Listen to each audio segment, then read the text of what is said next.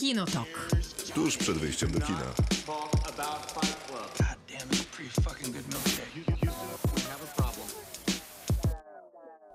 Krzysztof Majewski. Maciej Stasierski. No i dobrym zwyczajem jesteśmy we dwóch, bo albo jesteśmy we dwóch, albo we dwoje, ale jakoś w pełnym składzie to nie byliśmy No na długo, tym programie. długo. Oj, długo, no jeszcze mój urlop Sierpień. długi. W sierpniu byliśmy po raz ostatni. Mhm. Ale żeby tradycji stało się zadość, to jest nas dwójka, a Miłosława Bożek wspiera nas z domu. Tak jest. No i będziemy się wspierać. Prawdopodobnie za tydzień będziemy w pełnym składzie. Albo nie. Albo nie, bo nie wiadomo na kogo choroba wskaże palcem tym razem. No, Mhm. nie są to łatwe czasy, o czym pewnie doskonale wiecie, bo w rodzinie pewnie, mam nadzieję, że nie, ale ktoś pewnie przeziębiony jest i czuje się nie najlepiej. To z nami jest y, podobnie. Sporo się filmowo wydarzyło w tym tygodniu, pomijając filmy, które zobaczyliśmy w polskich kinach czy na polskim streamingu, bo również o serialach y, tutaj mówimy. No to doszło do chyba najbardziej absurdalnej sytuacji, jaką moglibyśmy sobie wyobrazić na planie, planie filmowym, a mam na myśli Ach. mm, aktora świetnego, jakim jest Alec Baldwin, który kręcąc swój nowy film, western, gdzieś na teksańskiej farmie, mm, przez pomyłkę rekwizytora, chociaż nie bardzo wiadomo, czy to rekwizytor był, czy jednak reżyser, czy operator, kto mu dał ten pistolet, którym niestety zastrzelił reżyserkę tego filmu. Tak, no rzeczywiście. Myślę, że nigdy by nie usłyszał o tym filmie, gdyby nie to. Gdyby to się nie stało. Najprawdopodobniej. Bo to jakiś bardzo mały budżet, film e, z tego co czytamy, robiony trochę na prędce. I chyba też właśnie w taki sposób były też traktowane które procedury na planie, bo jak czytałem, to chyba nie pierwszy raz był taki, że jakieś tam pistolety wystrzeliły niefortunnie, tylko że ten akurat wystrzelił wyjątkowo niefortunnie. To prawda. Trwa debata w Stanach Zjednoczonych teraz na temat y, no, pojawiania się broni jakiejkolwiek na planach filmowych, no bo Tak, tak. e, media amerykańskie przypominają chociażby śmierć brata Bruce'a Lee, który zginął dokładnie w ten sam sposób na planie filmowym, no lata już temu, no ale jednak no, to nie jest coś, o czym w ogóle kiedykolwiek powinniśmy dyskutować. No te pistolety powinny być przecież y, w pełni bezpieczne.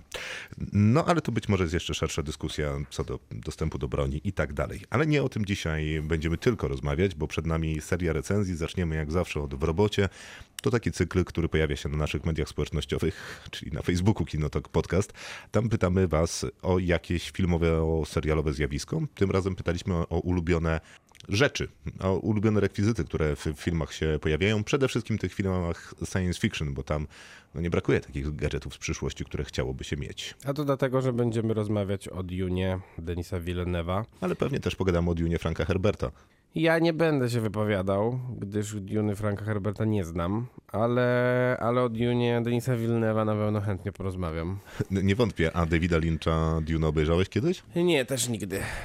Ja jestem e, osobą, która podeszła do tematu bardzo jako do białej Tabula rasa, kartki. rozumiem. Tak. Mhm. Osoby mnie bliskie y, obejrzały całkiem niedawno Dune tę nową, ale chwilę wcześniej widziały Dune Davida Lyncha i są całkiem przekonane, że ten film ma jednak sens.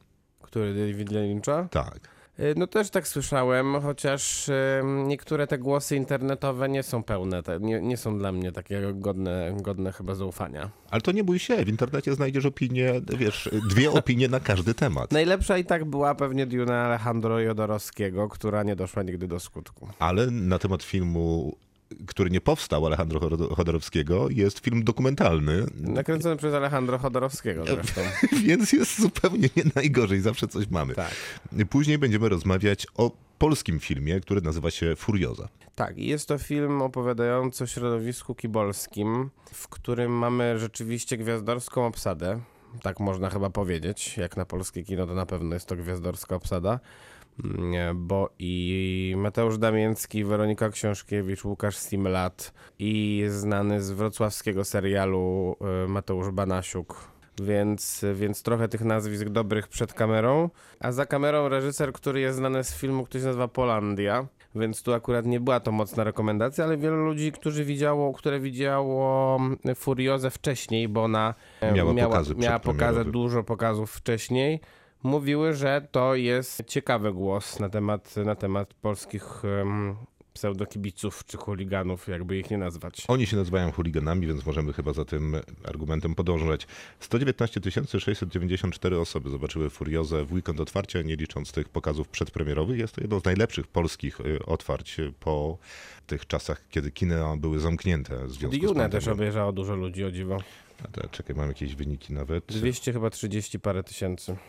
235 tysięcy w Polsce, 40 milionów na świecie i Duna jest drugim najlepszym filmowym otwarciem, nie tylko polskim, w polskich kinach. Najlepszym jest y, James Bond, który ma 440 tysięcy, Tak, tak. więc y, wysoki, wysoki No pułap. rzeczywiście, jak byłem w kinie w piątek, to była naprawdę pełna sala. Na Dunie. Tak. Ja byłem w, w piątek też. Hmm. W piątek? Nie, wiem, w nie czwartek. Nie wiem, kiedyś tam byłem, ale też była pełna sala. Ale tak naprawdę do, zabita do, Tak, do tak, ostatniego legalnego miejsca. No i na koniec będziemy rozmawiać o polskim serialu, który przyjechał do nas z zagranicy, bo to serial na licencji The Office.pl, e, czyli czy to Ricky Gervais, e, czy Steve Carell. Tym razem jest polska wersja. Tak, tym razem jest polska wersja i tutaj wszyscy mówili, że to nie będzie, że, że to nie może się udać. Ponoć, tak, tak twierdzili znawcy tematu. No a mam wrażenie, że polski internet e, został zalany pozytywnymi recenzjami. Też mam takie wrażenie, no ale ta negatywna postawa internetu była w pełni zrozumiała, no bo to czym zdecydował się dzielić Kanal Plus, który jest producentem tego filmu, czyli trailery, zajawki, jakieś sceny wyjęte Tak, to e, z było filmu. fatalne. to było naprawdę najgorsze.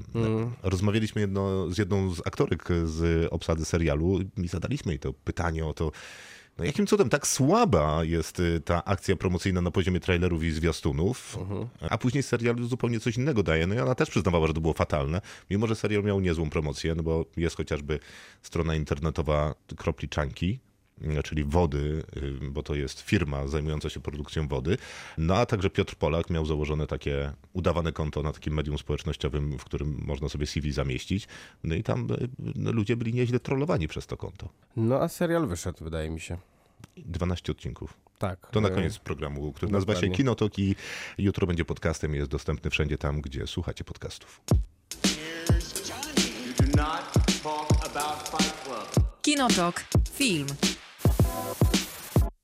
Pytaliśmy o ulubione rekwizyty z filmów najchętniej science fiction i takich odpowiedzi pojawiło się sporo. Czy to science fiction, czy nie, no to będziemy mogli się zastanawiać. Bo na przykład Paulina w ramach naszego cyklu w robocie odsyłam na Facebooka, tam pytamy, później na antenie czytamy. Pisze tak. Zmieniacz czasu, którego używa Hermiona w trzeciej, w trzeciej części Harry'ego Pottera. Ile by można było nadrobić seriali, filmów i książek z takim zmieniaczem? Ma rację Paulina. Ma, ma, go, ra- ma rację, tak. A Harry Potter jest bogactwem akurat dobrych gadżetów, których mam trochę wypisanych. Nie, no czekaj, no ale zmieniacz czasu jest fatalnym gadżetem i zarówno z perspektywy filmowej, jak i książkowej, bo psuje cały ten film. Dlaczego? No bo to jest tak jak z Władcą Pierścieni, że zadaje mu się takie pytanie, pod jabłatem Frodo i Sam zasuwali na piechotę przez całe śródzie, Śródziemie, skoro mogli wsiąść na tego gwaja, polecieć do y, wulkanu i wyrzucić ten pierścień w diabły. Ale to nie o to chodzi chyba w tej książce i w tym filmie, nie? No ale no, skoro Tolkienowi i Rowling opowiada się, jakie to wspaniałe, logiczne światy zbudowali, no to cała historia jest do luftu. No, no, no, to znaczy ona zbudowała, ten pomysł jest jednak, myślę, do wybronienia, czy te, patrząc jak? na Ale więźnia po- Azkabanu. Poczekaj, no ale po tym jak obejrzałeś Doktora Strange'a, ten pomysł jest do wybronienia? To na pewno jest lepiej wykorzystane niż w Doktorze Strange'u. No jak, Doktor Strange przecież robi sobie żarty z głównego złola, zamykając go w pętli czasowej. No i co? no to Hermiona mogła Voldemorta tak zamknąć. A Voldemorta akurat nie było wtedy. Nie no, już tam była jakaś poczwarka. No, no nie, właśnie wtedy już go nie było. No, no dobra, no to... ten taki okres, kiedy go nie ma. No ja rozumiem, ale kiedy przychodzi, no to ta klepsydra chyba nie wybucha. No ale już nie jest wykorzystywana. Bo No, się no- kłócimy o to, co... To, No zastanawiam się, dlaczego nie jest, no. ja, nie, ja nie uważam, że, żeby świat J.K. Rowling był jakiś super wy, mm, składny i konsekwentnie zbudowany. Aczkolwiek ten motyw akurat jest istotny z punktu widzenia nawet budowania, wydaje mi się, postaci Hermiony, która, jest, która jawi się trochę jak taki nadczłowiek momentami. No bo ma magiczne wspomagacze. To, no, oczywiście, że tak. No to każdy z nich ma. No każdy z nich ma ten jeden wspomagacz chociażby, który się nazywa różdżką. Tak? Ale ona dostaje, jest wyraźnie faworyzowana przez dyrektora. Tak, znaczy tak jakby Harry Potter nie był. No Bo, dokładnie. A ona jest przynajmniej utalentowana, on niezbyt. I nie jest milionerem, tak Mm. jak Harry Potter. Dokładnie. Izabela. I jej rodzice są mugolami, przypomnę. Dentystami w dodatku. Tak jest. Izabela. Nie mam pamięci do gadżetów, bo i gadżeciarą nie jestem, ale pierwsze moje skojarzenie to hack z Candymana z 1992 roku, z którym wiąże się tragiczna historia bohatera. To jeden z ciekawszych thrillerów psychologicznych, jakie w życiu widziałem, bardzo niedoceniony. Bardzo jest to mm, ciekawe rozumienie gadżetu. Też mam takie wrażenie. Naprawdę, tak. Myślę, że. Myślę, że to każdy, to nie wiem, to nóż z krzyku i Ale ten. nie, nie, poczekaj, bo Aleksander y, y, był na straży, żeby napisać przy okazji slasherów, warto wspomnieć o rękawicy Frediego Krugera. W mojej opinii jeden z najciekawiej zaprojektowanych narzędzi zbrodni w historii gatunku. No wspaniale, Tak, naprawdę. tak. To Ja- strój Normana Batesa, który się przebierał za własną, za ten, za, w ciało własnej matki e, w ten, w psychodzie Hitchcocka, to też tak. Tak, za- zawsze mi się przypomina wtedy czerwony smog, jak on szył ten kubraczek z, ludzkich, z ludzkiej skóry. Jest po 22, więc możemy. Iwo. W jednym z moich. y, Iwo to jest. y, Ja domyślam się, że jest Iwona, ale oczywiście możecie występować pod jakim chcecie pseudonimem. To wasza sprawa. W jednym z moich ulubionych filmów, Begin Again, pojawia się złączka. Nie znam formalnej nazwy. Moim zdaniem to jest złączka, która pozwala podłączyć dwie pary słuchawek do jednego źródła mm, dźwięku, dzięki czemu bohaterowie mogą słuchać wspólnie muzyki, przemierzając ulice Nowego Jorku. Bardzo praktyczna drobnostka, do tego świetnie wkomponowana w fabułę filmu. No też mi się wydaje, że to była świetna ta złączka. Pamiętasz, jak oni sobie tam y, biegali po mieście, y, słuchając tej samej muzyki i się zakochiwali w sobie. I teraz to się używa chyba tych takich słuchawek bezprzewodowych, że jedno wkłada w jedno ucho, a drugie w drugie ucho. A to tylko pewna firma ma taki, taki myk. Myślę, że teraz już większość tych słuchawek tak działa, nie? A nie wiem, może tak jest. No, myślę, że tak. Ale tak. wiem, że na kablowych w pewnej firmy tak było można, że wiesz, kabel był z jednej strony, Mhm. a z drugiej strony też było wejście do słuchawek. I druga osoba mogła się wpiąć słuchawkami w te słuchawki A, i słyszała to samo. no nigdy nie miałem takich, takich problemów. Ale ta złączka była jeszcze w Spider-Manie daleko od domu. Nie wiem, czy pamiętasz, tam jest taka scena, jak Tom Holland chce poderwać Zendaję. I udaje mu się. Nie, no wtedy ten przystojniak, którego blipnęło, czyli tam wyrzuciło na 5 lat po tym, jak Thanos pstryknął, A, mhm, no, to no. on z, y, z nią siada i ma taką Mm, samą to złączkę. sytuacja. No, nieładnie. Mm. Marek. Tyle by się chciało mieć, No, Marek zawsze ten wypisze 56. ale y, ma tylko i wyłącznie rację. Miecz świetlny z Gwiezdnych Wojen. No, no shit. I jeszcze wskazuje kolor bezczelny. A jaki Czerwony by chciał. A jednak. DeLorean. Czyli, czyli jednak woli mm, e, Sithów. Najwyraźniej. Mhm. Z Wall. DeLorean z powrotu do przyszłości. No tak, wiadomo. Nie, no pewnie. Latająca deskorolka z tego samego filmu. Tak, tylko z trzeciej części, czy z, nie, z drugiej części. No z drugiej. Mhm. Większość gadżetów Bonda. O, wspaniale. Ym, są wymienione? Nie, ale kropką na D jest, myślę jednak, że pierścień Arabelli zamknąłby sprawę, bo bym sobie nim wyczarował wszystko, co chcę. Rozumiem, brawo. No to- Sylwia, śrubokręt soniczny doktora Who, najlepiej w pakiecie Stardis, chyba nawet bardziej niż miecz świetlny. Niestety nie wiem, czym jest pakiet Tardis, ponieważ nie unikam y, nieco doktora Who.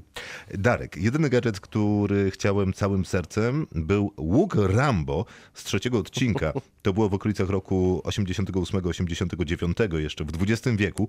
Potem już nigdy nie pragnąłem żadnego gadżetu filmowego tak bardzo. Nie, naprawdę musimy porozmawiać o naszych słuchaczach. Tak jak był taki film, musimy porozmawiać o Kevinie, tam też był łuk, to musimy Tak, porozmawiać no o naszych tak. słuchaczach. Bo na pytanie o ulubiony gadżet z filmów science fiction, oni nam wy, wy, wy, wymieniają same narzędzia śmierci. Tak, tak, no nasi słuchacze ewidentnie są sfrustrowani. Nie możesz tak mówić. E, przepraszam, przepraszam wszystkich naszych słuchaczy. Właśnie. Wszyscy nasi słuchacze są wspaniali, mają być może Wspaniali przejściowy i problem Mają, tak, e, no, z bronią. Chodzi pewnie o to, że pogoda za oknem jest beznadziejna. Najpewniej. My za moment dorzucimy swoje propozycje. Kinotok. Film. Czas na nasze propozycje do robocie, czyli ulubione science fiction gadżety. Maciej, daj coś. Ja tak w ramach trudnych gadżetów. O, oho. Topór jakiś, Nie, rozumiem. nie, ale em, ja nie wiem jak to po polsku jest, bo ciężko było, to, ciężko było mi znaleźć taki ten, ten taki neutralizator z Men in Black. Ten zapominacz. Tak, dzięki, e, oni zakładali okulary przeciwsłoneczne Piklik? i, i ten i dzięki temu świeciło i ludzie zapominali e, na przykład, no nie wiem, do jakiegoś tam czasu. Nie, no mało tego, że zapominali, bo oni mieli tam, ustawiali, jaki czas mają zapomnieć, Tak, tak, tak. a później byli w takiej y, y, fazie, w której im się opowiadało y, i uzupełniało to wspomnienie czymś czymś innym, Wymyślonym przez agenta. e, bezpiecznym, żeby na przykład nie, byli, nie pamiętali, że kosmici byli. Tak, tak, tak, tak, tak, tak. No świetnym to był gadżet. To jest dobry gadżet, Zresztą, jeżeli mówimy o facetach w czerni, tak? To oni wszystko, co mają na sobie i czym się poruszają, to, jest prawda. dobry gadżet. To prawda, chociaż te filmy nie są niestety równe. Znaczy, no, ja mam olbrzymi sentyment i uwielbiam pierwszych facetów w czerni. Pierwsi są wspaniali. I ta relacja pomiędzy Willem Smithem a Harrisonem Fordem, Tommy Lee Jonesem nawet. nawet, e, kiedy on daje mu ten mały pistolecik i mówi, że to jest świerszczyk i on Mhm. pierwszy raz z niego strzela i on ma taki olbrzymi odrzut. To jest świetny gag. To prawda, poza tym no jednak gł- głównym wilynem jest, e, jest wielki karaluch. To prawda. Więc to A kiedy znakomite. wspina się na wielką rakietę, Will Smith miażdży małe karaluchy. Mówmy się, że to, To była twoja znakomite. ciocia? Naprawdę to jest śmieszne. Jest śmieszne. No zresztą komentarz, wiesz czym się różni myka? Ja w tym dobrze wyglądam. Jest komentarzem niezapomnianym. Y, więc ja mam jeszcze z Harry'ego Pottera trochę. Mm, myślę, że. Em, peleryna niewitka jest na pewno em, gadżetem, y, który z kolei podbija jakby rangę Harry'ego Pottera samego, bo dostaje ją w pierwszym odcinku, czyli w kamieniu filozoficznym. Jest to niemożliwie niepraktyczny sprzęt. Dlaczego tak uważasz? No- w świecie Harry'ego Pottera to jest bardzo praktyczne. Słuchaj, Będziemy on- się teraz, będziemy Widzę, że ustalać, to- czy... Że, że to jest debata na temat Harry'ego Pottera jednak Tak, dzisiaj. dokładnie. Nie no, ale to jest problem jednak, bo on połowę filmów i książek, albo i nawet lepiej niż połowę, łazi po tym wielgachnym zamku po nocy, Pelerynie. kiedy jest cicho jak po prostu nigdzie, a jest ubrany najpewniej klasyczne angielskie Oksfordy do tego mundurku w tym elitarnej szkole, w której Jak jest. chodzi wieczorem, to na pewno chodzi w takiej jakiejś, em, w takiej koszuli nocnej flanelowej. Z inicjałem Albo HP nie, na albo nie flanelowej, nie wiem jakiej. W sumie jakiej to, jaka to mogłaby być? Lniana? Nie, to za zimno na noc. A, racja, to zamek W jednak, satynie nie? jakiejś. No i w takich tych, w takich, e, w takich pantoflach raczej. I w szlafmycy. I w tej pelerynie Tak chodzi. jest. Nie, dobra, bo ja korzysta z mapy Huncfotu. Tak jest. Moja teza była taka, że jest beznadziejnym gadżetem, bo jak idziesz, to cię słychać po prostu. No, no dobra, okej, co masz dalej? No dobrze, no. po- Powiedzmy, mam też Batmobil. O, to mocny gadżet. Który? Myślę, że ten od Nolana, ten z Dark Knighta. Ten, a, czy ta, ten wojskowy taki samochód służący do Mhm. tworzenia mostów. Nie, ja go lubię najmniej ze wszystkich Tak, Batmobili. a który lubisz No najbardziej? ten Bartonowski jednak. Jednak ten To taki... skrzydełko musi telepać. Mm, Okej, rozumiem. To jest jednak... Nie, jak myślę o Batmobilu, to jednak widzę, widzę te- te- ten pojazd. Bardzo mi się też podoba ten z nowego trailera, nowego Batmana. Bo generalnie Batmobil jest lepszym e, pojazdem niż samolot, który, e, którego używa też Batman, bo samolot zwykle się jednak rozpada. No tak, ale w chyba trzecim Batma, Batmanie, ten z Riddlerem w każdym razie. Z- Forever. z- Mhm. Tak, z człowiekiem zagadką. No to on tam leci, zostaje strącony, samolot się rozpada, odrzuca skrzydła, wpada do wody i okazuje się, że czym jest ten samolot? Łodzią podwodną. No i, no i gratuluję. No to, No, i to jest- to jest piękny wszystko się gadżet. zgadza, wszystko się zgadza. Nie no, generalnie gadżetów batmanowskich jest troszkę. To prawda, ale ja bardzo lubiłem wytłumaczenie peleryny z Dark Knighta. A Jakie było? No tam przychodzi Morgan Freeman i tym swoim idealnym głosem opowiada, jak to wymyślono tę pelerynę, że ona ma jakąś pamięć, rozumiesz, nie wiem, że, to jest materiał. Peleryna ma pamięć? Tak, peleryna ma A, pa- materiał, z, który, z której wykonana jest peleryna ma pamięć e, i kiedy tam przebiega przez nią prąd, to ona wraca do tego kształtu takiego utwardzonego, czyli właśnie mu się robi ta paralotnia. A jak, A, a jak kliknie drugi raz, no to prąd znowu przebiega i to, to robi się z tego po prostu zwykły materiał. Sprytnie pomyślane. Nawet to googlowałem. w Dark to nie istnieje. chyba też był taki motyw też takiego gadżeta, którym się posługiwał właśnie bohater Lucius Fox grany właśnie przez Morgana Freemana, czyli ten takie, te takie ekrany, które łączyły cały świat ze sobą. To w ogóle moim zdaniem istnieje. To się nazywa, y, to, oni, to w zasadzie jest taki lidar, tylko że oni skorzystali z tego na bazie sonaru, czyli od, odbitego dźwięku i na bazie odbitego dźwięku mapowali sobie przestrzeń. No więc to jest to. I co ty, co ja mam jeszcze? Ja nie wiem, co ty jeszcze masz. A ty masz coś jeszcze? No ja mam, ale To wie- dajesz. bo ja zauważyłem, że ja mam ciuchy głównie. I z pewnym niepokojem stwierdziłem, że moje zainteresowania, jeżeli chodzi o ubrania filmowe, koncentrują się na skórzanych płaszczach Rozumiem.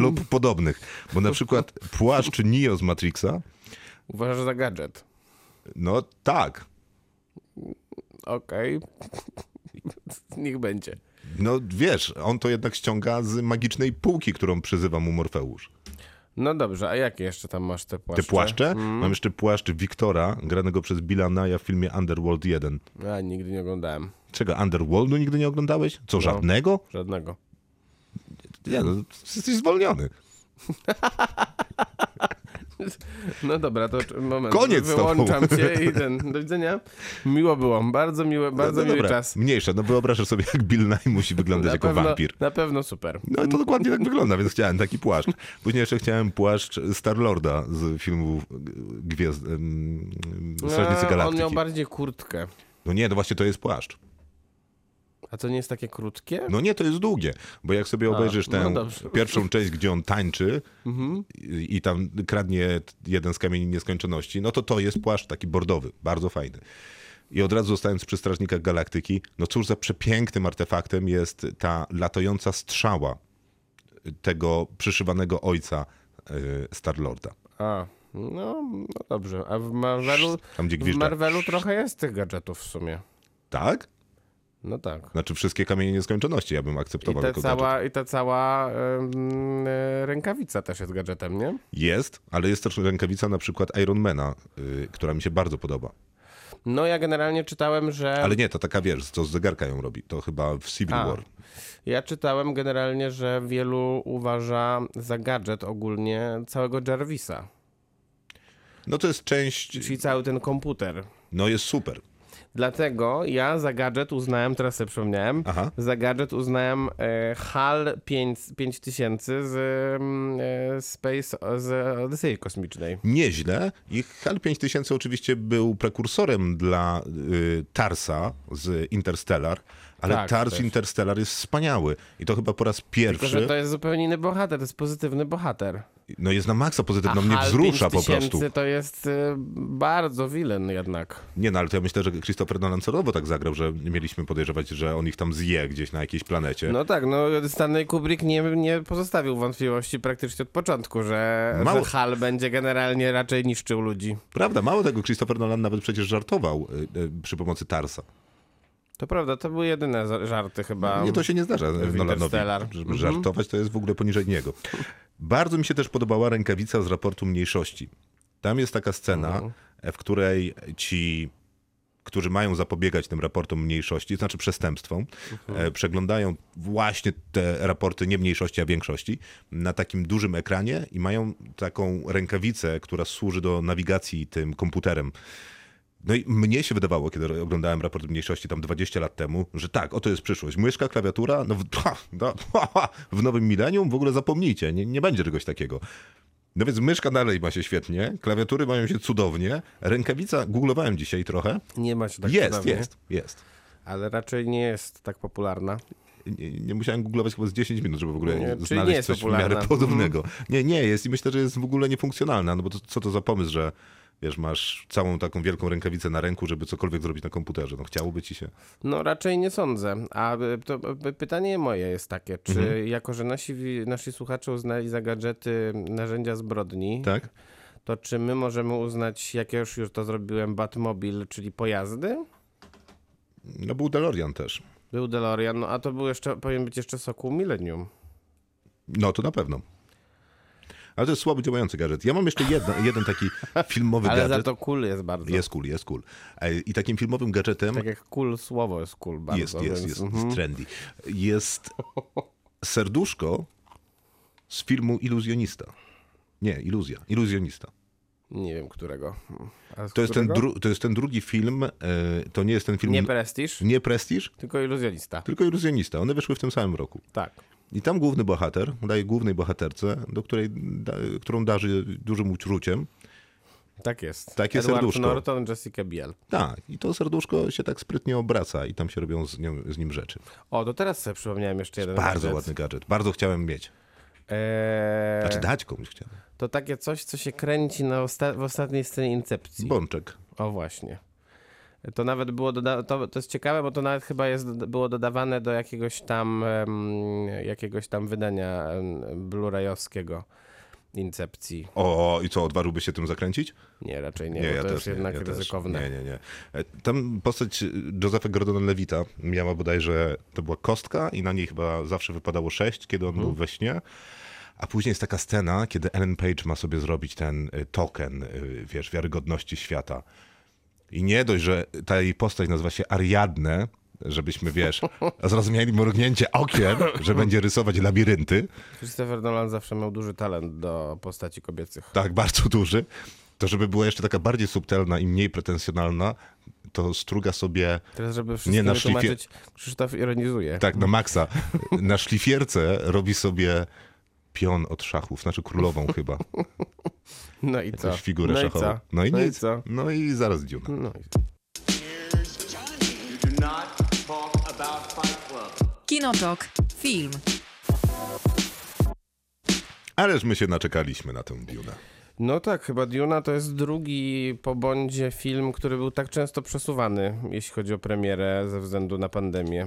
Strasznie skomplikowana historia tego filmu, bo Dune, Warner Brothers i Lionsgate, którzy mają prawo do tego filmu, zamówili jeszcze przed wyjściem do kin Blade Runnera 2049, więc jakiś taki ryzykowny pomysł, biorąc pod uwagę, że szybko się zorientowali, że Że nie będzie pieniędzy z tego. z tego Blade Runnera żadnych. No tak, dokładnie. Znaczy, Weekend- Dla mnie to jest zaskakujące do dzisiaj, że ten Blade Runner się jednak nie sprzedał. Dla mnie też. No w sensie samą legendą można byłoby te, ten film sprzedać, mam takie Znaczy, wrażenie. to jest niesamowite, że ten film się nie sprzedał, bo on powinien, tak, nap- tak naprawdę to powinien się sprzedać w pierwszy weekend. 30 potem- chyba 4 miliony zrobił w pierwszy I weekend. potem, I potem jakby, jakby ten pierwszy weekend był taki, jaki powinien być, czyli tam powinno być 150 milionów po prostu, Tak. to już następne weekendy już ludzie by wiedzieli na co szli. I to by zarobił sobie te I wtedy 400 by milionów. spadało i by było te z 500 milionów. A tak to było 200 chyba z hakiem, tak? To jakoś tak y, w kosztach produkcji się No, zamknął. więc, y, więc to była naprawdę niespodzianka, bo no a Duna chyba y, zapowiada podobną rzecz, tylko że chyba, chyba się lepiej jednak sprzeda. Znaczy, prawdopodobnie lepiej, ale też niewiele. 40 milionów po weekendzie otwarcia. Natomiast Dune w stopę strzela to, że AT&T, do którego należy HBO i mm, wymyśliło sobie ten pomysł z... Tymi dwutorowymi premierami. Tak, że oglądamy na HBO Max y, film jednocześnie z premierą w kinach. No na jest... szczęście chyba to jest jakby poprzesuwane miesię- co do miesięcy, tak? Czy... Nie. Aha, no to, no to i tak to nie jest zły wynik, wydaje mi się, 40 milionów. Też mi się nie wydaje, żeby to był zły wynik. Zresztą Denis Villeneuve y, mówił, że wasze domowe ekrany są za małe na Dune. Idźcie do No, kina. a szefowa Warnera generalnie e, mówiła, że e, jeżeli ktoś oglądał film i obejrzał zakończenie, to powinien wiedzieć, jaka będzie odpowiedź na pytanie, czy powstanie druga część. Tylko, I że... wiele wskazuje na to, że ta druga część faktycznie powstanie. Natomiast Warner i Lionsgate mówili od początku, że oni będą patrzeć na wyniki finansowe. No tylko pytanie, co to jest... Patrzymy tylko na wyniki jakie będą finansowe. patrzeć właśnie, Właśnie, no bo, to 40 milionów otwarcie to jest dobrze czy źle? no bo zakładali niby 30. Trzy bodajże, 33. Yy, a jest 40, więc jest lepiej niż zakładali. Z drugiej strony, no zaraz się może okazać, że w drugi weekend pójdzie 10 milionów tylko. I wtedy będzie już bardzo duży spadek. Natomiast to jest palcem po wodzie, bo równie dobrze może pójść 50. No dokładnie, bo może się- bo się okaże, że będzie pójdzie dobra fama. Palcem po piasku oczywiście. Na, tak, dokładnie, oczywiście. No w każdym razie rzeczywiście ten, mm, ten projekt jest, jest taki owiany dziwnymi, dziwnymi takimi historiami.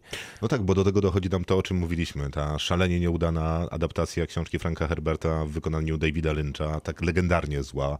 E, Ten y, nigdy nie zaczęty, czy też rozgrzebany tylko projekt Alejandro e, Ale Chodorowskiego. udokumentowany dobrze. Ale udokumentowany dobrze, bo jest film dokumentalny.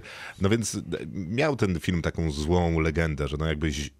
Ten książka bardziej w sumie. No próba adaptacji tej książki w No tym tak, sensie. bo znawcy teoretycznie mówią, nie wiem, ty, czy ty jesteś znawcą książki? Ja jestem czytelnikiem. Czytałem ją dwa razy, natomiast jeszcze chyba nie miałem 20 lat, kiedy kończyłem drugi raz. Bo wielokrotnie czytałem, że w recenzjach niektórych e, recenzjach tego aktualnego filmu Denisa Villeneuve'a, że mm, to, że trudna jest to książka do zaadaptowania Jest. Bo jest to bardzo skomplikowana książka, e, w której jest bardzo dużo rzeczy do, do powiedzenia, na tyle dużo, że trudno, be- trudno to przełożyć na język filmowy po prostu. Bo to nie jest jednak tak prosty świat jak w Gwiezdnych Wojnach. No nie jest to prosty świat, na pewno nie tak jak w Gwiezdnych Wojnach, bo to jest y, świat bardzo głęboko zanurzony w rodową politykę, no bo jesteśmy w dalekiej przyszłości. E, Udało nam się osiągnąć możliwość poruszania się w kosmosie. Jest ta przyprawa czy melanż, zależnie od tłumaczenia. Te tłumaczenia też były legendarne. No, Zatrzymajmy się tutaj na moment, bo to jest naprawdę komedia. Mm, Bo widzisz na przykład e, było tłumaczenie tak. Dwa marszala, Łozińskiego i Jerzyńskiego. Więc e, tak chronologicznie idąc, Sandworm był tłumaczony jako czerw pustyni, czerw pustyni, piaskal i piaskal. Ale jest lepiej, bo na przykład jest ten steel suit, czyli to, co pomaga im na pustyni przetrwać i jakby pomaga z wodą. To był, czekaj, ja muszę sobie przybliżyć, bo jestem trochę ślepy. To był tak. Filtr frag, filtrak, hermetyk albo destylozon. No w tłumaczeniu filmowym chyba jest filtrak. E, Field Frag jest Y, y, w Dune. To drugie, tak? To, to drugie, co Pierwsze, moim A. zdaniem. E, No i na pewno jest czerw. I jest czerw. No, Tak, czyli mhm. tam zostało wybrane to dobre, Te pierwsze jakby to pomysły. najlepsze To tłumaczenie. drugie, jakie tam było? Pustak? Nie pustak, to jest Hermetyk. co innego trochę. Hermetyk, a Nie, później nie, był destylozon. Co do, co do czerwa. Bo... E, Czerw pustyni, e, piaskal. A, pia. A, pustak mógłby też Wiesz, być. nawet imperator był albo imperatorem, albo cesarzem, więc jakby różnie bywało. No Imperator to jest pewnie, a to, bo to jest stara książka, nie? 68 rok. No. E, I tutaj też widzieliśmy, że był Imperator. I ja takie miałem oczywiście, to były takie, takie zgrzyty w mojej, w mojej logice popkulturowej, bo sobie jednak myślę, że Imperator jest zarezerwowany trochę dla Gwiezdnych Wojen. Jest, jest. Trudno go wypchnąć. No ale też Duna miała taki pomysł na to, żeby wypychać e, Gwiezdne Wojny z tego firmamentu największej e, kosmicznej opowieści. E, No bo planowana data premiery była taką datą, kiedy zawsze Gwiezdne Wojny wychodziły, czyli między No, Bożym tak Narodzeniem grudzień. a Sylwestrem, Mhm. ten, w tej, kiedy też wcześniej wychodził Władca Pierścieni, czyli wszystkie wielkie, Hobbit epickie i franczyzy. tak dalej. Mhm. No ale czy jest z Gwiezdnymi Wojnami, to sobie jeszcze porozmawiamy. Mamy te kosmiczne rody w kosmosie, podróżujemy dzięki przyprawie. Ta przyprawa daje nam długowieczność, ale też daje nam możliwość, jakby dostają ją nawigatorzy, dzięki czemu są w stanie podróżować po tym kosmosie. No i mamy rody i te rody to są takie potężne ym, No takie, Dynastie takie rządzące dynastie całymi polityczne. planetami. Mhm. No i mamy dwie najważniejsze, czyli Harkonnenów i Atrydów. Atrydzi to są ci nasi dobrzy główni bohaterowie, którzy, no nie wiem, powiedzmy, że są taką Anglią, e, którzy żyją sobie na mokrej, miłej planecie. A Harkonnen to jest Rosja z Niemcami połączone. No to mniej więcej. A, I jest jeszcze imperator, który tych Atrydów wysyła na planetę Arrakis. Który też chyba, jak zrozumiałem przynajmniej na podstawie filmu, jest jednak, e, jest jednak próbuje przynajmniej tak mocno, mocno ingerować w stabilność tych rodów. No właśnie, no bo, i tu zaczyna bo, musi, bo musi jakby chce utrzymać swoją władzę po prostu. No zdaje się właśnie, że jakby film się przemyka po tym. E, W ogóle mam takie wrażenie, że Denis Villeneuve zrezygnował z skomplikowania i głębi tej opowieści na rzecz uproszczenia historii, żeby być może, żeby była w ogóle możliwa do opowiedzenia. No i dobrał do niej monumentalne środki, więc jakby chyba bardziej chciał zachwycać niż o, tym nowym światem, niż zohydzać tą taką polityką pełną sztyletu i trucizny. E, No bo faktycznie imperator chce tę roz, taką rozgrywkę prowadzić, no bo wcześniej ta planeta należała do Harkonnenów, oni tam majątek zarabiali na tej przyprawie, no a Atrydów tam wysłał po to, żeby sprowokować e, Harkonnenów. No to jest taka skomplikowana dosyć polityka rodowa i tej, tego skomplikowania jest znacznie więcej. Do tego dochodzą te próby zabójstw, takich gierek pomiędzy imperatorem a kolejnymi rodami, głównie tymi dwoma, a do tego jeszcze dochodzi całe takie zelotstwo religijne, z jednej strony reprezentowane przez tych lokalnych mieszkańców autochtonów Arrakis, a jeszcze dodatkowo jest, jest mm, są takie postacie jak Bene Gesserit, czyli no nie wiem, no powiedzmy taka loża masońska, kobiet, które chcą zarządzać e, światem w takim dużym, przedwiecznym planie. No te kobiety rzeczywiście są takim dla mnie, są taką dla mnie tajemnicą, bo ja nie za bardzo to zrozumiałem. E, Natomiast e, wydaje mi się, że e, jak, na, jak dla mnie, czyli człowieka, który generalnie spotkał się z tą historią po raz pierwszy trochę na ekranie, nawet nie za bardzo czytając cokolwiek przed pójściem do kina, to myślę, że to jest dosyć sprawnie jednak zrobione. W sensie ja to rozumiem po prostu. No tak, I bo to historia jest, jest i to jest jasna, dosyć nie? istotne. Dla, Myślę, że dla wielu widzów, którzy pójdą na Dune z mniej więcej takim przygotowaniem jak moje, e, to będzie jednak istotne, żeby, żeby film, który, który im się przedstawi i który, e, przy którym będą, będzie im się kazało siedzieć 2 godziny 40 minut, e, żeby oni go zrozumieli. E, Bo, bo to jest jakby podstawa do tego, żeby się potem zaangażować w coś. Jasne i wydaje mi się akurat, że Denis Villeneuve z próby opowiedzenia historii, która ma jakiś związek z tym, która jest opowiadana w książce, no jakby wychodzi obronną No ręką. bo ciekawy jest głos generalnie wielu, wielu ludzi, którzy mówią, że być może Duna nie jest do opowiedzenia w filmie, tylko powinna być do opowiedzenia na przykład w jakiejś dziesięcioodcinkowej miniserii. Tak, to ja się E, podpisuję pod tym I, głosem. e, Bo wtedy, bo wtedy rzeczywiście można byłoby pewnie wejść głębiej w te wszystkie, nie, wszystkie jakieś zależności, niesnaski i w te wszystkie, w te wszystkie jakieś walki podprogowe i pałacowe rozgrywki i tak dalej, i tak dalej. Co wydawało się najciekawszą częścią Duny, do tych rozgrywek wracamy za moment. Kinotok. Film. Wracamy do rozmowy o Dunie Denisa Villeneuve'a, która na pewno, i trudno chyba z tym polemizować, jest przepięknym filmem na poziomie scenografii, efektów specjalnych, zdjęć, a nawet muzyki Hansa Zimmera. Jest, jest przepięknym filmem. Dzisiaj czytałem wypowiedź Christophera Nolana, który mówił, że rzeczywiście Duna jest y, według jego standardów naprawdę y, jednym z najlepszych filmów, jeśli chodzi o połączenie właśnie tych efektów wizualnych robionych komputerem, a efektów takich Analogowych. takich analogowych robionych po to, żeby w ogóle, żeby w ogóle coś zaistniało na ekranie. które Nolan uwielbiał, po to Bo Nolan robi Boeingiem w Tenecie. takie rzeczy robi, nie? Bo woli, woli jednak te efekty takie, takie prawdziwe. No bo one E, są bliższe, dłużej wytrzymują próbę czasu.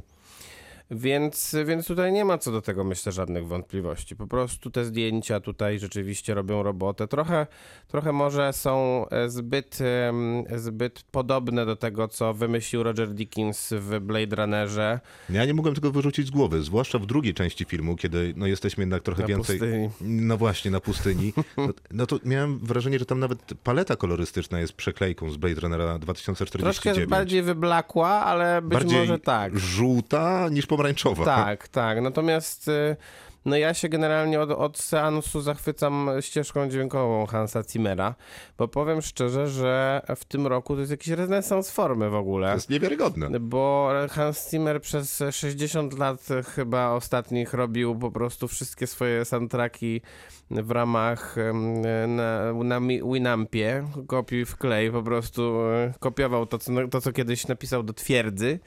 A, a w tym roku zarówno bondowski ten soundtrack był ciekawy, e, bo był, bo, bo był w klimacie, a ten jest w ogóle znakomity. I jest zupełnie taki, e, zupełnie taki nies- zaskakujący pod względem na przykład użycia chóru, e, którego, którego, którego Hans Zimmer tak często nie używa. I jest ten wrzask taki świetny. tak, dokładnie, więc no i ten, i ten, ym, i ten bardzo monumentalny jednak soundtrack myślę, że myślę, że robi jednak dobrą robotę, Sporo osób na to narzeka jednak, bo że za bardzo. Że ten cały film jest taki, że Mhm. używa takich monumentalnych środków wyrazu, że być może mógłby być trochę bliższy bohaterom, że, wiesz, bo ta te zimne, potężne kadry, potężna muzyka, potężne statki, wszystko potężne, no jakby oddalać się od tych postaci, które teoretycznie Wilnew chciałby tam wiesz, zaludnić ten, ten świat jakoś. No tak, to znaczy nie miałem aż takiego wrażenia. W sensie ja uważam, że y, ten film jednak też stoi może nie, może nie jakością postaci, jeśli chodzi o ich scenariuszowe skonstruowanie, Ale ale bardziej charyzmą aktorów, bo y, to w jaki sposób są poobsadzane te postaci jest naprawdę wyśmienite i nawet, i nawet takie małe, małe role, które, które wydawać by się nie mogło, nie, nie dawały wielkich szans na zaistnienie, są obsadzone tak, że, że ci aktorzy robią ciekawą jednak rzecz, e, chociażby Stellan Skarsgård grający barona Harkonnena, e, to jest... e, to jest zagrana rola tylko i wyłącznie na charyzmie. No ale Stan Skarsgård ma tej charyzmy po prostu w oku tyle, ile żaden polski aktor młodego pokolenia nie ma po prostu, nie wiem, no w całym swoim ciele. No, trudno z nim konkurować. No, mnie się wydaje, że to jest taka pomijalna rola, że on jest jakby w pełni przebrany, jest w dodatku w jakimś takim fat- kombine... fatsucie dokładnie. takim fatsucie. No ja się zastanawiałem... Poza tym e, jest go, wiesz, w tym filmie jest go trzy minuty. Jest go trzy minuty, naprawdę, natomiast, natomiast no, na, mnie zwró- na mnie zwrócił... Znaczy na mnie też, ale nie jestem pewien, czy jakby jakością aktorstwa, czy jakością tego całego pionu ca- stylizacyjnego. stylizacji. No ja się zastanawiałem, mówiąc szczerze, nad tym, czy, czy tam też nie jest użyte dużo CGI. Bardzo możliwe. Yy, I trochę to tak wygląda, bo ta jednak jego, ta, ta, ta, tylko na twarzy widać tego Stana Skarsgarda. Nigdzie indziej W praktycznie. zasadzie trzeba się nawet trochę przejrzeć. Natomiast, natomiast jeśli chodzi o te dwie takie e, najważniejsze postaci tej opowieści, czyli Paula Atrydę, którego gra Timothy Chalamet, no i jego matkę Lady Jessica, którą gra Rebecca Ferguson, to myślę, że oni jednak mają te swoje momenty, gdzie mogą zaistnieć aktorsko i, e, i zaskakująco nawet dla mnie to wykorzystują, bo Timothy Chalamet jest, e, jest aktorem, którego Ja kojarzę oczywiście z moim ulubionym filmem, ale nie kojarzę go jakoś e, z niesamowitym, niesamowicie różnorodnym aktorstwem, a tutaj wydaje Ja mi się, że raczej- jakoś tak dorasta jednak trochę ten aktor. Ja nawet, raczej- na, nawet na tym ekranie. Ja go raczej kojarzę jako fenomen taki popkulturowy, bo oczywiście on jest wspaniały w tamte dni, tamte noce, idealnie obsadzony i Tak, świetnie poprowadzony. Później gra wiecznie to samo, co jest strasznym nudziarstwem, na jedną modłę i na jedną nutę. Tutaj teoretycznie gra podobną rolę. Nie znowu jakąś taką daleką, ale ja tam widzę w nim ten konflikt. Zresztą wydaje mi się, nie że... robi to inaczej jednak. Tak, tak. I, I w ogóle wydaje mi się, że jeżeli w całym tym filmie są jakieś postaci, i, które są z krwi i kości, mają emocje i bijące serce, no to to jest Timothy Chalamet, który ma w dodatku dosyć ciekawą narrację, no bo cała ta polityka i zeloctwo religijne, które są najciekawsze w Dune, z tego filmu moim zdaniem wyleciały. Za to jest świetna relacja z ojcem i jakby przekazaniem tej spuścizny, którą chcesz albo nie. No i znacznie lepsza y, relacja z Rebeką Ferguson, Tak która w zasadzie jest takim emocjonalnym powerhouse'em tego filmu. Bo Mhm. tu nie ma emocji, tu jest tylko monumentalizm, wielkie i piękne kadry, no i tam śmierć po drodze czyhająca na wszystkich, a Rebecca Ferguson załatwia emocje za wszystkich. Załatwia, to prawda. Ona rzeczywiście Co też jest małym problemem, Mhm. bo ona w zasadzie przez cały film rozpacza. No tak, no ale to są takie emocje pewnie. to jest, nie wiem, czy to jest dobre uzasadnienie jakby. Natomiast e, w tym rozpaczaniu to Rebecca Ferguson jest petardą. Jest, jest, jest. W sensie tam nie ma fałszywej nuty, Nie, ale nie jak się zastanowisz, to ona przez cały film jest w rozpaczy. To prawda, to prawda, no ale bardzo to jest rzeczywiście aktorka, którą, na którą e, warto spoglądać. Tak, to jest tak, aktorka, tak, tak. która ciekawie wybiera role. Te role nie są jednak... Że ona zagrała nawet w Mission Impossible dobrze. No tak, a rolę taką w sumie, e, które, Z generatora którą, którą można było, można, dokładnie, którą ciężko było w ogóle się wyróżnić. to ta relacja, czyli cała ta część opowieści, y, Paul Atryda, jego matka i te Bene Gesserit, które pojawiają się tam w dwóch scenach, to super. Znaczy jedna się pojawia, grają Charlotte Rampling. No nie, no, no tam przy, przyjeżdża z, z, okej, z, z, no jakąś tam tak, obstawą, z, obstawą tych, tych pływających kobiet. I No, Sharon no. Lampling też bardzo, bardzo fajna scena. I to budowało naprawdę ciekawy nastrój i klimat. Natomiast, no nie wiem, tego starszego Atrydy, Oscara Isaaca, który wygląda fantastycznie i po prostu bucha i wylewa cha- charyzmą z ekranu. No nie wiem, no jego jest dwie minuty, wszystkich Harkonnenów razem, Też dwie. dwie i pół może. Y, Akurat dwie- Dave'a Bautisty to mogłoby nie być. Mogłoby spokojnie nie być. Więc całych tych relacji pomiędzy tymi rodami, no to łącznie film, film ma 155 minut, ma opowiadać o wojnach rodów, tych wojen, wojen rodów jest 5 minut. No tak, ale z drugiej strony nie masz wrażenia, że to jest... e, Niekończąca się ekspozycja? Mam. To jest tak, a I poza w tym... pełni rozumiem, jeżeli ktoś akceptuje film, który jest złożony z kolejnych eksponujących obrazów. Totalnie ja to, ja to totalnie akceptuję i co więcej uważam, że jest to całkiem, e, że jest to duża odwaga jednak.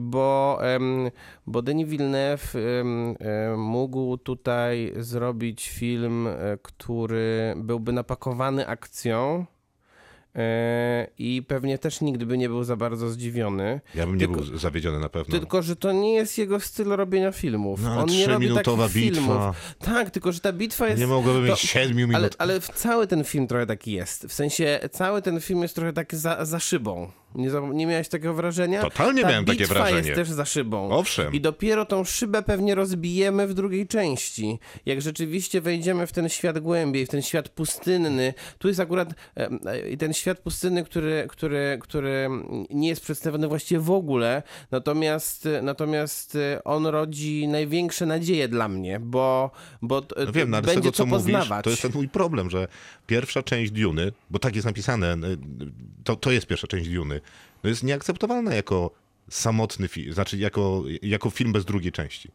No oczywiście, dlatego musimy, dlatego wszyscy muszą pójść na tą pierwszą, żebyśmy dostali drugą.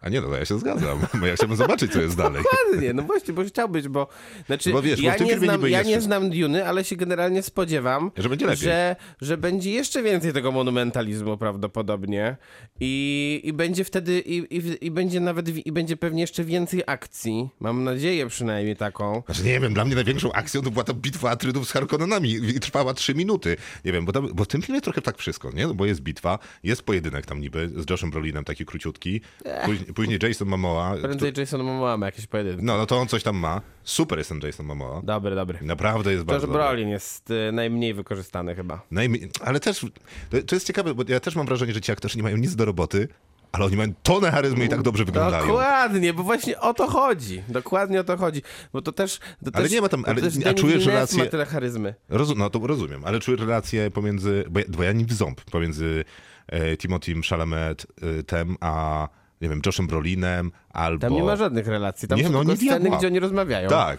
ale to wy- są obcy wymienia- ludzie. I wymieniają się ze sobą jakimiś takimi one-linerami, które jeszcze mają być takim mini, mini comic reliefem czasem i nie są za bardzo trafiony, ale... To nie jest w ogóle- Ale, ale ci aktorzy są tacy, że po prostu są larger than life. Tak, tak, tak, tak jest. Tak dokładnie jest to I cały filmem. ten film taki jest, no niestety.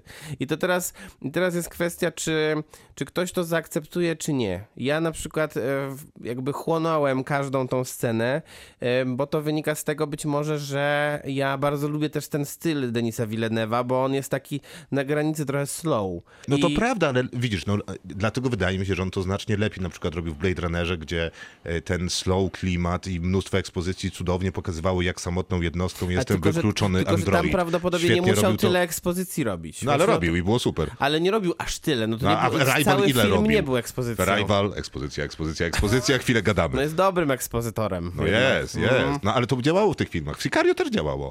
Wiesz, to miasto miało tyle ekspozycji, że już się bałem tego miasta. No nie powiesz, że tutaj też nie działa zupełnie.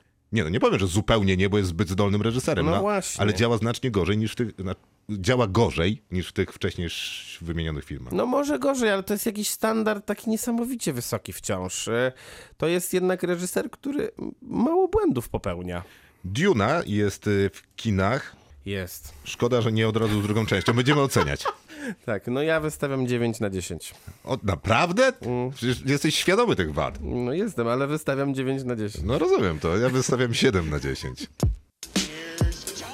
do not talk about Fight Club. Kinotok. Film. No to czas na film, który nazywa się Furioza. Do zobaczenia jest w kinach i nie opowiada o postaci z Mad Maxa. Nie, nie opowiada. A co, Opowi- chciałbyś? Wolałbym. A, no to, o, no to ja już widzę tą minę. Cyprian T. Ole, Olęcki. Olencki Tak, wyreżyserował film. Mateusz Damięcki w roli głównej. Weronika Książkiewicz. Mateusz Banasiuk. No tak, chociaż ten. Za... W- nie wiem, nie wiem czy kiedy byłeś, ale dzisiaj jak patrzyłem na napisy końcowe, to ta trójka była na początku, a potem była kolejna trójka aktorów: Łukasz Simlat, Wojciech Zieliński, Szymon Bobrowski. I miałem wrażenie, że dwójka druga była dużo mocniejsza od tej pierwszej. Ja dostaję mnóstwo maili od dystrybutora od miesiąca o tym filmie. I że będzie wybitny? Nie, nie, no to wiadomo. A, no tak. A cóż bym miał napisać? Ale w zasadzie to ja byłem przekonany, zanim poszedłem do kina, że główną postacią jest jednak Mateusz Damięcki. Bo ile on już wywiadów zrobił o tym, jaką transformację do tego filmu Tak, przeszedł. ile na siłowni siedział po prostu ja wiem bez, wszystko, bez, jakbyś- bez przerwy. Masz, to jest jego dieta. na no dni właśnie, rozpisana. no e, właśnie. Wszystkie dania. Mm, A jakby głównym bohaterem jest jednak Mateusz Banasiuk. Tak jest, No, zgadza ale to drobnostka. Dobra, film opowiada o faktycznie pseudokibicach. E, O, O chuliganach, chuliganach tak jak ustaliliśmy. E, A ci chuligani, no to są jednak kibice, którzy lubią pojechać do lasu i bić się z tymi drugimi kibicami i to jest honorowe, bo nie używają tam baseballa, bo baseball to bar- barbarzyństwo i w To ogóle już- niskie standardy. I to już samo w sobie jest według mnie super problematyczne. Ale zdaje się, że tak jest naprawdę. Tak, że się biją na ten, na gołe pięści? Tak. To nie ma, to nie, to nie, to... Mi się wydawało zawsze, że to bardziej jednak re, re, realistyczne jest to, to, co jest przedstawione w tych pociągach. To też jest możliwe, ale wiesz, y, twórcy filmu chwalą się i nie że wiem, zrobili research. Nie no, nie cały research, oni się chwalą w stylu Patryka Wegi. A, no tak, wiadomo. Czyli oni byli w środowisku e, ki- e, chuliganów. będą pisać o tym też. Oczywiście, e, więc oni wszystko wiedzą, e, a teraz zrobili film, żeby my, Żeby żebyśmy, nam pokazać, jak to jest. tak, no, żebyśmy my też wiedzieli. Czyli generalnie to środowisko trochę jest takie bardzo ety, etyka, y, zasady i Honor, tak dalej. takie mocne słowa raczej. Ale troszkę też jest tam e, takich czarnych owiec, które, e, które na przykład Przekraczają Rubikon. przekraczają i, granice i są te gangsterki, wiem, i narkotyków. i sprzedają i tak. Tak, bo tak generalnie to y, chuligani to obstawiają bramki i tam jest generalnie wszystko kulturalnie. Tak. To, I terroryzują zawodników oraz prezesów klubów, e, bo zawodnicy słabo grają. No bo a oni kochają klub. Tak, dokładnie. No i mamy tu takie postaci, jak właśnie wspomnianego Mateusza Banasiuka, który jest główną postacią tego filmu, lekarzem, Tak. a wcześniej był chuliganem. Tak, jest bratem y, jednego z przywódców, tak, Kaszuba. Czyli Gra- szefa Furiozy i założyciela. Tak, granego przez Wojciecha Zielińskiego. Mm, No i on ma taką historię, która jest nam ujawniona dosyć, na, na samym początku właściwie filmu, to znaczy Czyli po godzinie. podczas, je, tak, podczas jednej z akcji mm, takich jak jeszcze byli początkowy, początkującymi, że tak powiem, chuliganami, Nie, nie możemy tego spoilerować. Nie będziemy, filmu. ale- Nie. To, ale wydarza się Ale dramat. wydarza się dramat, no i, no i on e, o tym pamięta i nie może, i nie może zapomnieć. A jego brat Kaszub mówi, że po tej akcji to nie chcecie widzieć, Tak. jednym z uczestników był grany bohater prze... Gu? Mateusz Damięcki, czyli Golden. Golden. Golden. Golden, tak. No A i- do tego Dawid, czyli Mateusz Banasiuk, jeszcze kiedy był chuliganem, to miał dziewczynę chuligankę i to była Weronika Książkiewicz, która która, teraz jest policjantką. a.k.a. Dzika. Tak, właśnie. A jej szefem jest Łukasz Stimlat.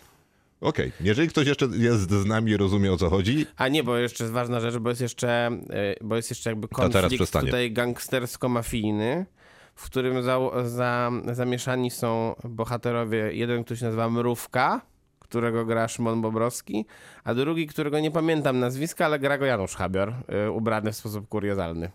I który mówi coś o Cezarze, Tak, dokładnie. że I powinieneś... pokazuje swojej wnuczce. Nie wiem, co on tam tego Cezara ma czytać, no bo Nie Marek wiem. Aureliusz pisał Strasznie pamiętniki. krótkie ten, nie, Juliusz Cezar Szekspira, to jest sztuka. A, Ale że on mu strasznie sztukę dał. krótkie, Tak, no więc A to może, to sensu. może. Ale to ciekawe, że daje mu akurat Juliusza Cezara, bo jednak takim dyżurnym, e, wiesz, mędrcem dla tych gangsterskich filmów to był jednak Machiavelli. No tak, Jest tu pewnie- pewne złamanie formy. Pewnie Złamanie dłuższe, formy. Tak. No, no, ale to miałoby pewnie być inspirujące. No i ten film wygląda trochę jak nowe dzieło Patryka Wegi, a w zasadzie stare dzieło Patryka Wegi, bo on już zrobił film o kibolach i to się, znaczy o chuliganach I, i to się... nazywał Bad Boy. Tak. I grał tam Antoni Krykowski. I też czytaliśmy o jego diecie i chodzeniu na siłownię i jakie ma Dokładnie. tatuaże nowe. No a to miał być lepszy film rzekomo. No i chyba nie jest. Ja, chyba jest. Może trochę jest lepszy, chociaż z drugiej strony mam wrażenie, że mm, jakby historia tutaj jest żadna. I, I to jest główny problem. I, I ja się bardziej, znaczy pewnie jest żadna, y, bo jest taka trochę też jak z generatora i niby jest tam jakiś twist i kogo to obchodzi. Tylko ja nie wiem, dlaczego te takie testosteronowe losy, wiesz, że tam honor i co sobie wywalczysz i nigdy nie zostawiaj swoich, bądź lojalny i nigdy nie kabluj policji. Czemu to zawsze jest opowiadane w tonie takiego, wiesz, moralitetu? Że to jest większe niż życie, ostateczne i że... Nie wiem, dlaczego ten film stara mi się wmusić jakby sympatię do tych bohaterów. W ogóle nie lubię. No właśnie, dlaczego musimy lubić kiboli? Ja tego w ogóle nie rozumiem. Nie, ja też nie. Bo i, i dlatego właśnie mówiłem, że to wszystko, te wszystkie zasady etyczne, te, te regulaminy takie moralne, to są strasznie dla mnie jakieś problematyczne w tym, bo em, E, punkt wyjścia jest bez zupełnie sensu. nie o to chodzi. Przecież to, to, nie są, to nie są rycerze od Ridleya Scotta, Hmm. tylko tu są kibole, którzy, którzy w ogóle nie dbają o żaden klub tak naprawdę, bo wszyscy, kibo, bo kibole generalnie jak robią rozróbę na stadionie, to potem przez pół roku klub nie może, nie może zapraszać swoich y, kibiców, którzy płacą normalnie za bilety. Tak, no zakaz. No i, i, i na tym polega generalnie działalność kiboli.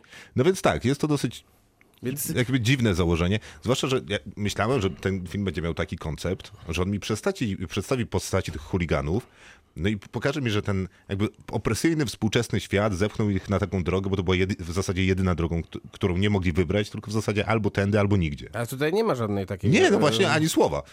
Bo tutaj jesteśmy po prostu już w centrum tej sytuacji, w której tutaj te role są rozpisane w sposób tak oczywisty, bo z jednej strony jest ten właśnie mm, Kaszub, tak, czyli szef tej, tej ekipy, który, mm, który jest właśnie tym takim e, moralnym guru trochę. On, Tak, on tak, im mówi, że on im schowaj mówi- baseballa, Dokładnie. bo będziemy honorowo się bić. Dokładnie, on im mówi, że te narkotyki, gangsterka to już jest przekroczenie.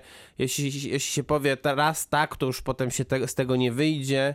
A z drugiej strony jest ten, jak? Golden? Golden, Golden. Grany przez Damięckiego, który, mm, który od początku widać, że jest taki na granicy i on, jemu niewiele będzie brakowało, żeby, żeby przekroczyć ten Rubikon i on oczywiście go w końcu przekroczy. Yy, No i, no i w tym w całym środku jest ten bohater grany przez Mateusza Banasiuka, który nie jest kibolem, ale jest kibolem, bo jak to mówi Łukasz Simlat przez cały film, kiedyś byłeś kibolem, to zostaniesz kibolem. Tak, ale on, on, on jest chirurgiem. I ja się zastanawiam, kiedy ta jego postać zaliczyła 12 lat medycyny. To jest niesamowicie, niesamowite, tak, to prawda. E, a potem jak znowu zostaje kibolem, to zastanawiam się, kiedy on jest w tym szpitalu też. Bo on to, to, to, kibolstwo to jest taki, to jest taki 24 na 7 Tak, tak, tak, to jest na pełny e, etat robota. raczej. Jeszcze tak, czasami tak. trzeba pójść do więzienia, nawet jak nie musisz. Dokładnie, więc i trzeba zeznawać co chwilę, bo tam... No nie no, roboty jest ten- brud. Więc, no, No więc dobra, film nie jest- jest to wiarygodne. Fi- film jest złożony z, taki, z najróżniejszych klisz. Wszystko już widzieliśmy. Być może niektóre sceny bijatyk są dosyć ładnie choreograficznie zrobione. Na przykład ta w lesie chyba nawet nieźle wygląda. Ale żeby to było Nie wiem, czy nadzwyczajne. Wegi nie było podobnie dobrze, albo źle w sumie. Mm, Nie, no w sensie, że przyzwoicie No tu tak i tu. samo, no. Jakby rzemieślniczo to chyba dobrze było porozstawiane, więc nie ogląda się tych bijatyk źle. No w sensie panowie tam się ruszają chyba tak jak trzeba, więc jest okej. W sensie głupio by było, gdyby w filmie, w którym cały czas się biją, źle się bili. To prawda. Yy, parę słów o aktorach.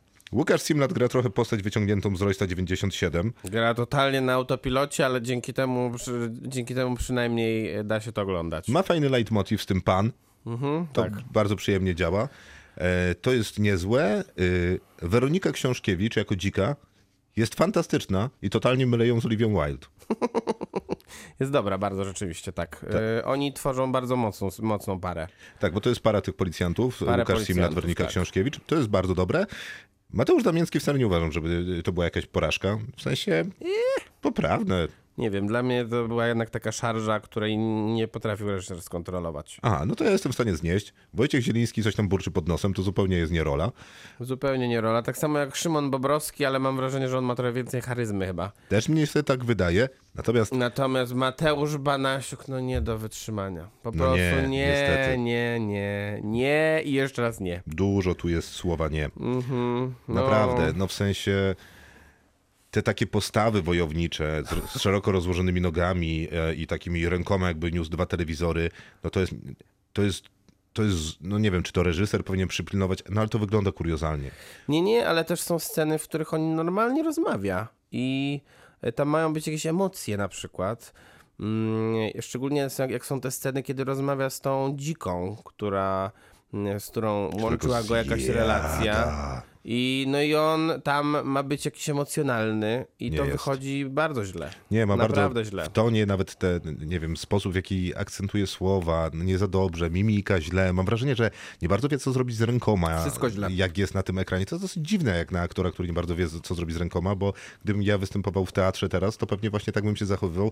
Więc no nie, no niedobrze. No niedobrze. nie, nie, dobrze, nie dobrze. I y, reszta obsady, mimo że bywa różna i być może Mateusz Damiński szarżuje i to bardzo, to jednak ja jestem w stanie to przyjąć. No tam nie ma aż tak dużo tego fałszu. A Weronika Książkiewicz w ogóle jakby się urodziła tam wygląda. Y, Nawet, nawet No, a Wojciecha Zielińskiego zniosę. No a ale- Simlat to jest aktor, który generalnie raczej nie potrafi źle grać, więc No no... nie, nie ma takiej umiejętności. No i tyle. No. no a emocji w tym filmie? No nie ma, że się żadnych emocji nie ma. Zero. Wszystko po prostu spływa po tobie. Jeszcze w dodatku reżyser nie za bardzo wie, e, czy chce jakiś gatunek Nie, tutaj no chce robić. gatunek. No chce, ale nie umie. bardzo. nie, nie, nie umiem. Żadnej frajdy z tego nie miałem. No nie Jeszcze ma. recenzowaliśmy kiedyś taki film, nie pamiętam jak on się nazywał, polski film gangsterski o gościu, który strasznie lubił się bić i to robił i na końcu też płynie gdzieś na statku. A, tak jak zostałem gangsterem. To to było lepsze. To było zdecydowanie lepsze. Tak o, tak o półtorej gwiazdki. Ja dam pięć. Ja cztery. Kinotok. Serial. Na koniec serial, więc pomyliłem jingla, ale w podcaście wszystko będzie dobrze. To jest magia radia. Tak, The Office, polska wersja, czyli serial, który jest oparty na chyba dwóch formatach, tak? Nie, no na, na jednym. Na zresztą, jednym, na formacie brytyjskim The Office wymyślonym przez Rickiego Gervaisa. który pięknie y, o tym mówił na chyba którymś rozdaniu Złotych Globów, a jak opowiadał, że wy Amerykanie, to może nie były Złote Globy, bo to wtedy byłby w Wielkiej Brytanii, ale opowiadał, że wy Amerykanie cieszycie się z The Office, że ma tyle sezonów, jest taki wspaniały i Steve Carell, i wtedy kamera pokazuje Steve'a Carella, który siedzi na publiczności, jest taki genialny, skąd bierze swoje pomysły? Dokładnie. Ode mnie. Tak, dokładnie. I Steve Carell mu tam pokazuje, że I will. No dwa sezony Prosił. były tylko tego The Office chyba brytyjskiego, krótkie, bo e, Ricky Gervais tak właśnie robi raczej swoje seriale, dlatego mm, ten Afterlife jest taki zaskakujący, bo już powstaje trzeci. Ciekawe, czy znowu będzie powtórką pierwszego, bo naprawdę Tak, pierwszy dokładnie. sezon Afterlife Rickiego Gervaisa jest na Netflixie, jest świetnym serialem, ale jego drugi sezon jest, jego pierwszym sezonem. I jest też świetny, dzięki temu, że pierwszy był świetny. No, jeżeli ktoś lubi obejrzeć dwa razy ten sam sezon, to tak. Dokładnie. E, Natomiast później e, ten serial został zaadaptowany przez Amerykę i tych sezonów już chyba tam było z 10. Ja nie wiem, ile było, bo moi... Dużo. Dużo, dużo. Yy, mogło być nawet 10. Mój stosunek do The Office jest generalnie taki trochę jak do sitcomów, że jest naprawdę bardzo mało, które obejrzałem od deski do deski. 9, przepraszam. Tak, a formuła The Office, któregokolwiek nie zachęca mnie specjalnie, żeby oglądać no jakby całe sezony, bo... No to chyba się ogląda pojedyncze odcinki, żeby generalnie wiedzieć, czy to trafi do twojego serca, czy nie. Tak mi się wydaje. Też mnie się tak wydaje. Bo jakby to są zbiórki gagów prezentowane w tej samej przestrzeni, czyli akurat no, w tym biurze No tak. i okolicach. No, no The Office amerykańskie e, ma ten, ten jeden podstawowy walor, że dzięki niemu tak naprawdę e, i może 40-letniemu prawiczkowi wypłynął e, na szersze wody komediowe, a później na szersze wody ogólnie filmowe Steve Carell. No i To jest mój jego ulubiony cytat z tego serialu. No, God! No, God, please, no! No! No! Uwielbiam. No i Jest taki gif. Nie dziękujcie. rozumiem. Jest, no, i, no i ten serial e, to jest wielka zasługa tego serialu dla świata kina ogólnie, że, że Steve Carell dzięki niemu powstał, tak naprawdę. To prawda, ty oglądałeś y, brytyjskie, amerykańskie The Office? No właśnie tak jak powiedziałem, no tam z półtora odcinka tutaj, dwa odcinki tam. A, no to ja obejrzałem tak razy 10 y, w Aha, odcinkach, ale wątpię, żebym obejrzał wszystkie. Nie, że byłbyś fanem, jakimś oddanym i znawcą tematu i... Nie, ale z przyjemnością oglądałem te odcinki, bo tam jest naprawdę mnóstwo znakomitych gagów. E, Tylko rozumiem, dlaczego ten serial się tak chętnie przepisuje na lokalne licencje, bo jednak jest to produkcja, która mówi o jakiejś kulturze pracy w jakimś kraju. Ona wygląda różnie wszędzie indziej. No i oczywiście w Polsce też wygląda inaczej niż w Stanach czy Wielkiej Tak, Brytanii. tak. Z różnych powodów, o których wszyscy my pracujący w biurach doskonale wiemy.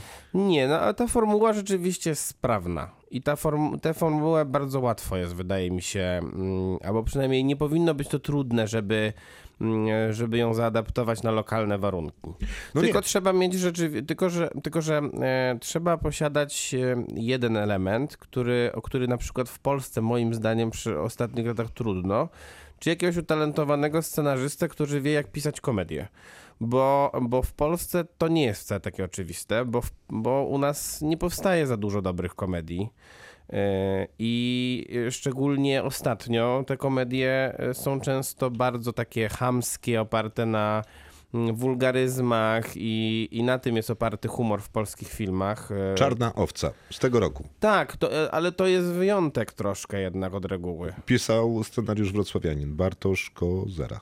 No i gratuluję. Tutaj nie pisał on w The Office polskim. Nie pisał, nie wiem kto pisał. Zaraz sprawdzimy. Natomiast no, ja przy swojej słabej znajomości The Office będę, myślę, że jestem w stanie powiedzieć tyle, że mi się to podobało. Nie no, wiesz co, bo to nie jest złe, bo jednak te zapowiedzi, o których mówiliśmy wcześniej, te zajawki były fatalne. Obiecywały to, czego, co podejrzewało wiele osób y, po tym serialu, że to, jak mówi się w angielskim pewnie The Office i, i w amerykańskim, cringe'owe, że będzie niepokojąco żenujące, że ten dowcip będzie upadał na podłogę i tam się tylko czołgał, że nie będzie chciał ci się w ogóle tego oglądać, no bo będzie to jak wiesz, noc polskiego kabaretu, która już naprawdę zeszła do piwnicy i tam powinna zostać. Wszystko wskazywało na to, że tak będzie, mimo zapowiadanej znakomitej obsady, o której pewnie jeszcze szerzej sobie za moment porozmawiamy. Natomiast okazuje się, że ten serial świetnie realizuje się w dwóch rzeczach, trzech może nawet. Po pierwsze, faktycznie jest dobrze napisany, te żarty Tak. są aktualne. Scenarzysta się nazywa Łukasz Sychowicz. Brawo, panie Łukaszu. Te żarty są aktualne, siedzą w polskiej rzeczywistości.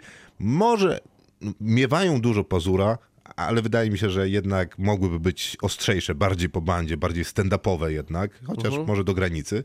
Ale no powiedzmy, że to jest jakieś wyczucie z telewizyjnego smaku. E, I ma bardzo dobrze grających aktorów, ale szokująco dobrze. Ja nie, nie miałem zielonego pojęcia, że jesteśmy w stanie grać taką ko- komedią tak dobrze. Ale też mam wrażenie, że jak często zarzuca się polskim aktorom przed kamerą, że są nieco teatralni albo przeszarżowani, to wszyscy, którzy występują, a jest ich 11 w tym serialu, stworzyli z tego cnotę. I to Tak, tak, świetnie bo to w tej The Office'owej formule działa. Oni tutaj rzeczywiście wszyscy szarżują, ale wydaje mi się, że obsada to jest najmocniejszy punkt tego serialu, bo... Poczekaj. No, God! No, God, please, no! No! No! Więc nie mogę się zgodzić o obsadzie, porozmawiamy za moment. Kinotok. Serial. Bo teraz ci się udało. Co mi się udało? Jest serial był. Tak, był. A co to za muzyka? To twój Ja telefon? nie wiem. Tak?